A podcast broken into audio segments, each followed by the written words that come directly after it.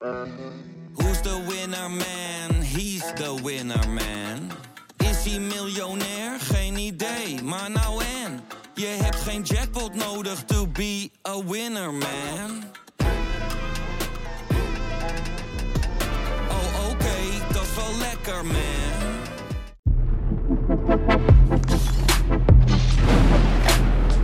Goedemorgen Jos, Goedemorgen. welkom in de VIZSM van donderdag 17 november. Het eh, WK nadert met rassenschreden en eh, daarover gesproken. Wij hebben afgelopen maandag een voorspelshow op YouTube gedaan met Soleiman en eh, Bas. Die kwamen met Argentinië, Brazilië, Duitsland en Frankrijk. Die willen toeval dat ook Erling Haaland eh, zijn favorieten heeft gedeeld. Eh, die kiest niet voor Duitsland, maar die kiest voor Engeland. Ja.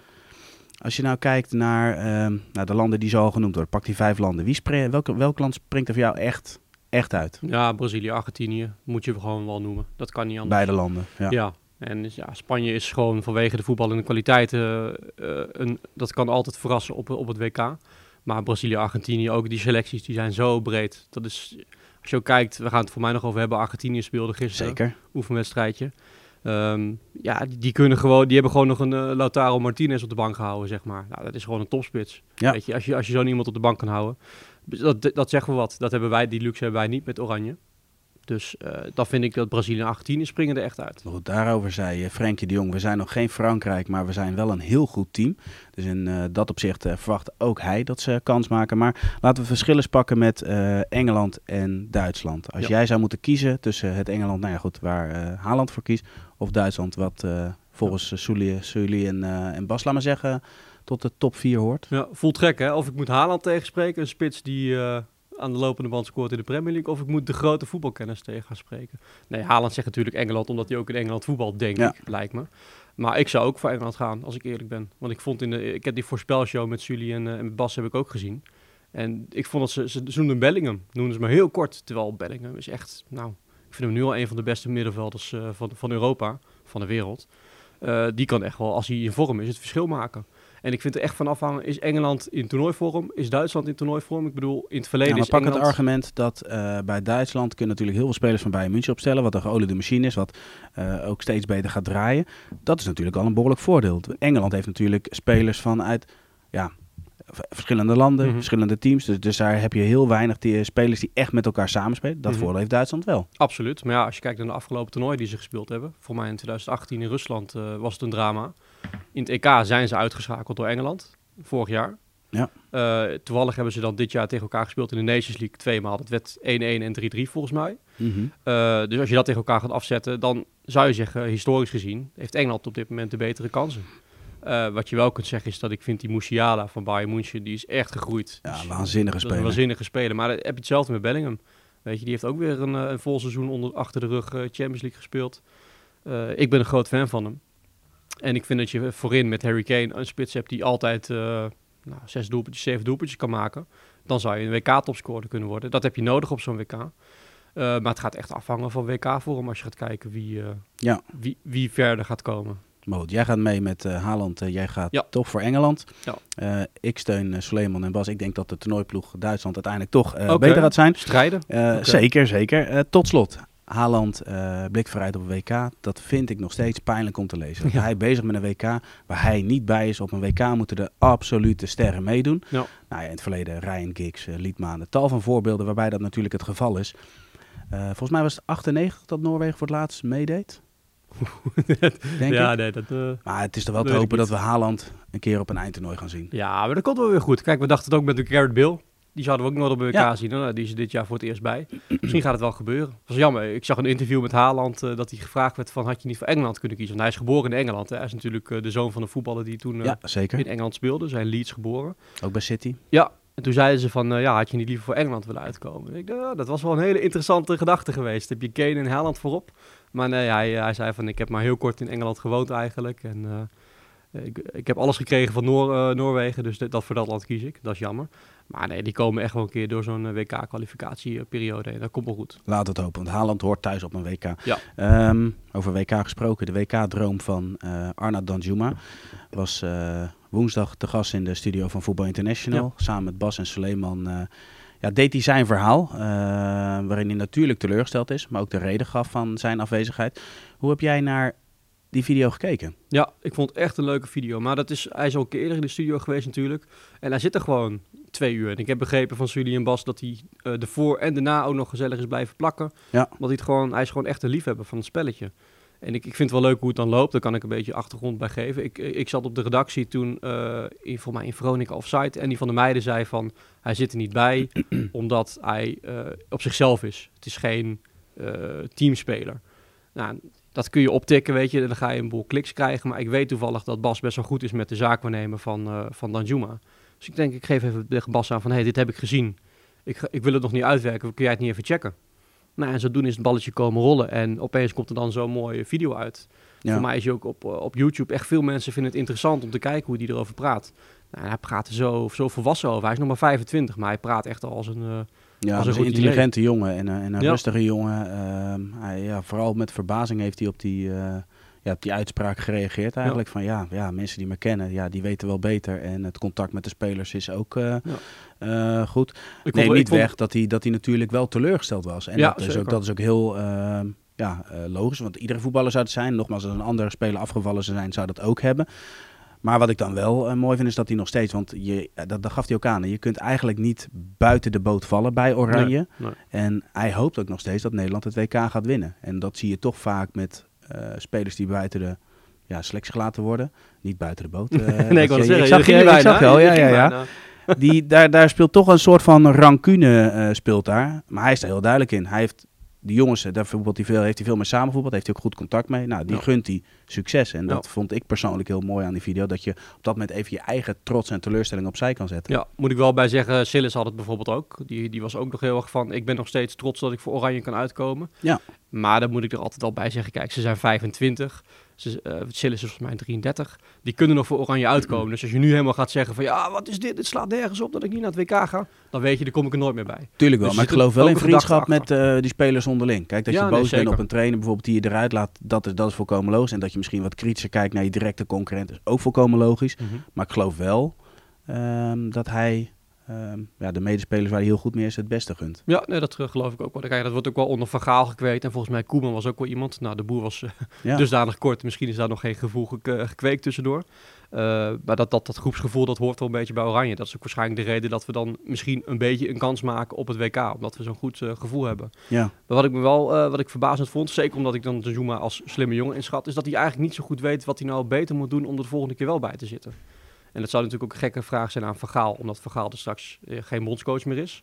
Eh, maar dan had ik wel verwacht dat hij dan even zou vragen van, hé, hey, wat nu was de enige reden van, ja, ik kies voor anderen.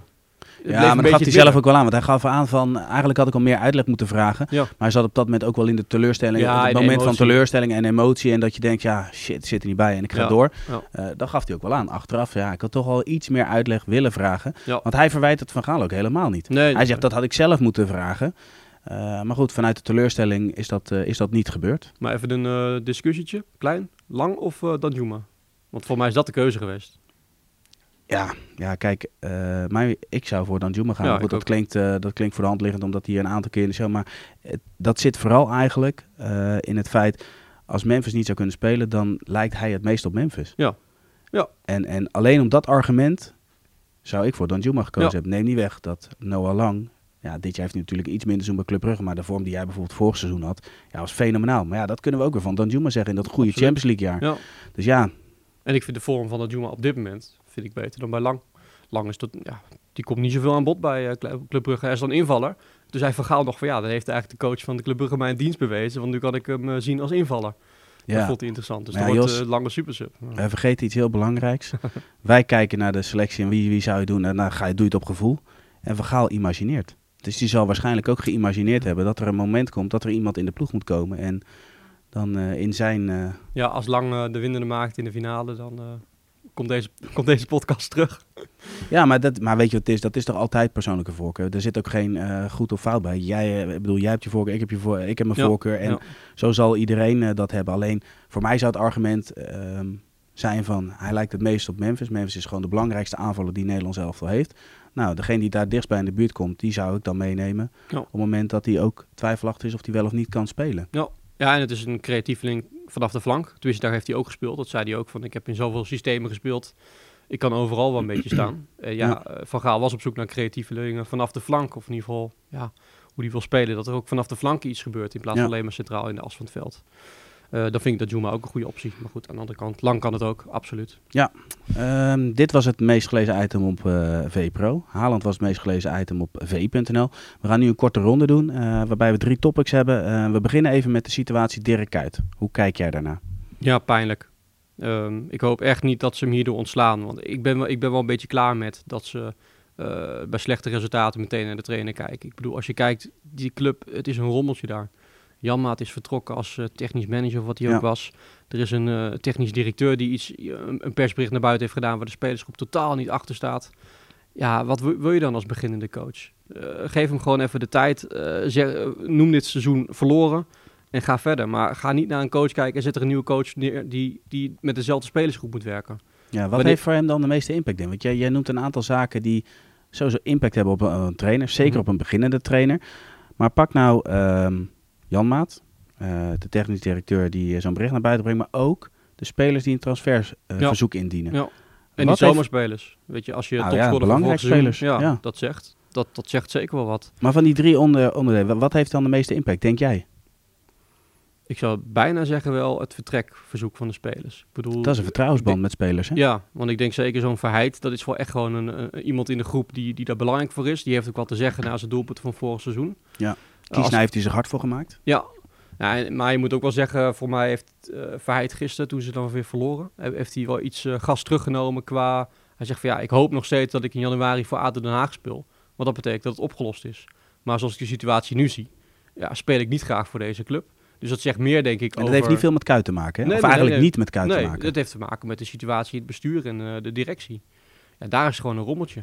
Ja. ja en wat ik ervan heb begrepen, Bart Kruijt, eh, eh, een collega van ons, die had een goede contacten met Jan Maat. Die heeft contact opgenomen nadat hij eh, weg is gegaan. Ja, interviews ook nog steeds te lezen bij ons online. Ja, VE Pro is hierna te lezen. En voor mij zei hij ook van ja, weet je, de, mensen die de beslissing moeten maken, die zitten op 4000 kilometer afstand volgens mij. Ja, dat, dat werkt ook voor geen meter.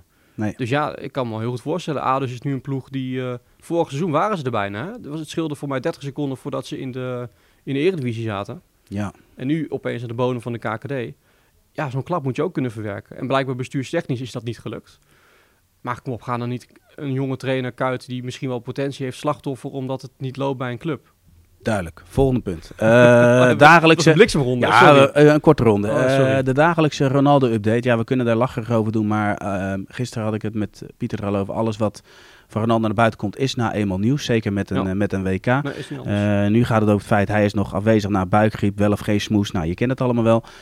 Wat ik eigenlijk met jou wil bespreken is de uitspraak dat Lisandro Martinez de enige echte professional zou zijn bij Manchester United.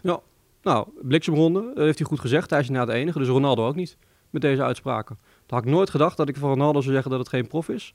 Want hij, is, hij zorgt zo goed voor zijn lichaam en op deze leeftijd kan hij nog zoveel leveren. Maar als je zo omgaat met de media en je eigen club, dan eh, ben je voor mij geen prof. Ja, en toch hoop ik met deze uitspraak, ik ga eh, mee hierin. Toch hoop ik wel dat hij vanaf januari een nieuwe club vindt. Dat we toch nog eh, in zijn laatste dagen de echte Ronaldo gaan zien. Want zo afscheid nemen van zo'n waanzinnige voetballer, dat is en blijft pijnlijk. Ja. Dus persoonlijk hoop ik eh, toch nog op één mooie transfer waarin hij in een half jaar, misschien anderhalf jaar nog laat zien wat hij kan. En dat we dan eh, terugkijken op de carrière van een van de beste voetballers aller tijden. Ja, absoluut. Maar waar denk je dan aan? Wat, waar kan hij terecht? Ik, Sporting ik, ja, Lissabon. dacht ik ook Sporting, maar die, voor mij wilde hij hem niet aan het begin van het seizoen. Nou, ik hoop het. Waarom zouden ga- ze hem nu wel willen na zo'n interview? Weet je, als het een beetje verkeerd gaat, ik, de trainer denkt ook van ja, ik stel hem een paar keer niet op en eh, hij gaat met eh, Abola, dus de Portugese grote media. Ja. Dan gaat hij daarmee praten. Ja, dat, dat wil je ook niet. Dus hij heeft zichzelf best wel in een moeilijk pakket gevangen. Nu Ja. met dit interview. Ja, Sporting, ik zou het fantastisch vinden. Kijk, dan komt hij ook in de competitie terecht waar hij zijn ding kan doen, waar hij weer 20 doelpunten kan gaan maken. Maar ja, als Sporting zijde zou ik het niet willen. En de cirkel is rond. We gaan naar het laatste onderdeel in deze korte ronde. We hadden het al over de WK-favorieten. Ehm, nou, laten we stellen dat Argentinië op dreef is. En met name Messi en Di Maria. Die zijn echt Ja, op dreef. En dat is wel eh, heel prettig voor Argentinië als je beste spelers op dreef zijn. eh. ja, ja, en alles voor je van Messi is er wel helemaal klaar voor. Ze hebben 5-0 gewonnen van de Emiraten. Doelpunt van Messi, twee van Di Maria. Maar Ja. vooral ja, de paas van Messi en dan de volley van Di Ja, Maria. het, het het was hele echt spel, oh, het aanvalspel, waanzinnig. En je moet het inderdaad wel afwegen tegen dat je tegen de Verenigde Arabische Emiraten speelt. Dat is natuurlijk geen toptegenstander. Maar als je ziet, ja, ze zijn wel lekker in vorm. Ja, En dan, eh, dan krijg je toch wel weer een stukje meer zin in het WK straks. precies. Oh. Ze leveren. Ja, inderdaad. Nou, mooi. We zijn er eh, doorheen, eh, Jos. Dank voor jouw bijdrage aan deze VZSM. En jongens, jullie bedankt voor het kijken en voor het luisteren. Dit was de VZSM van donderdag 17 november. Morgen zijn we terug met een nieuwe VZSM. Doei!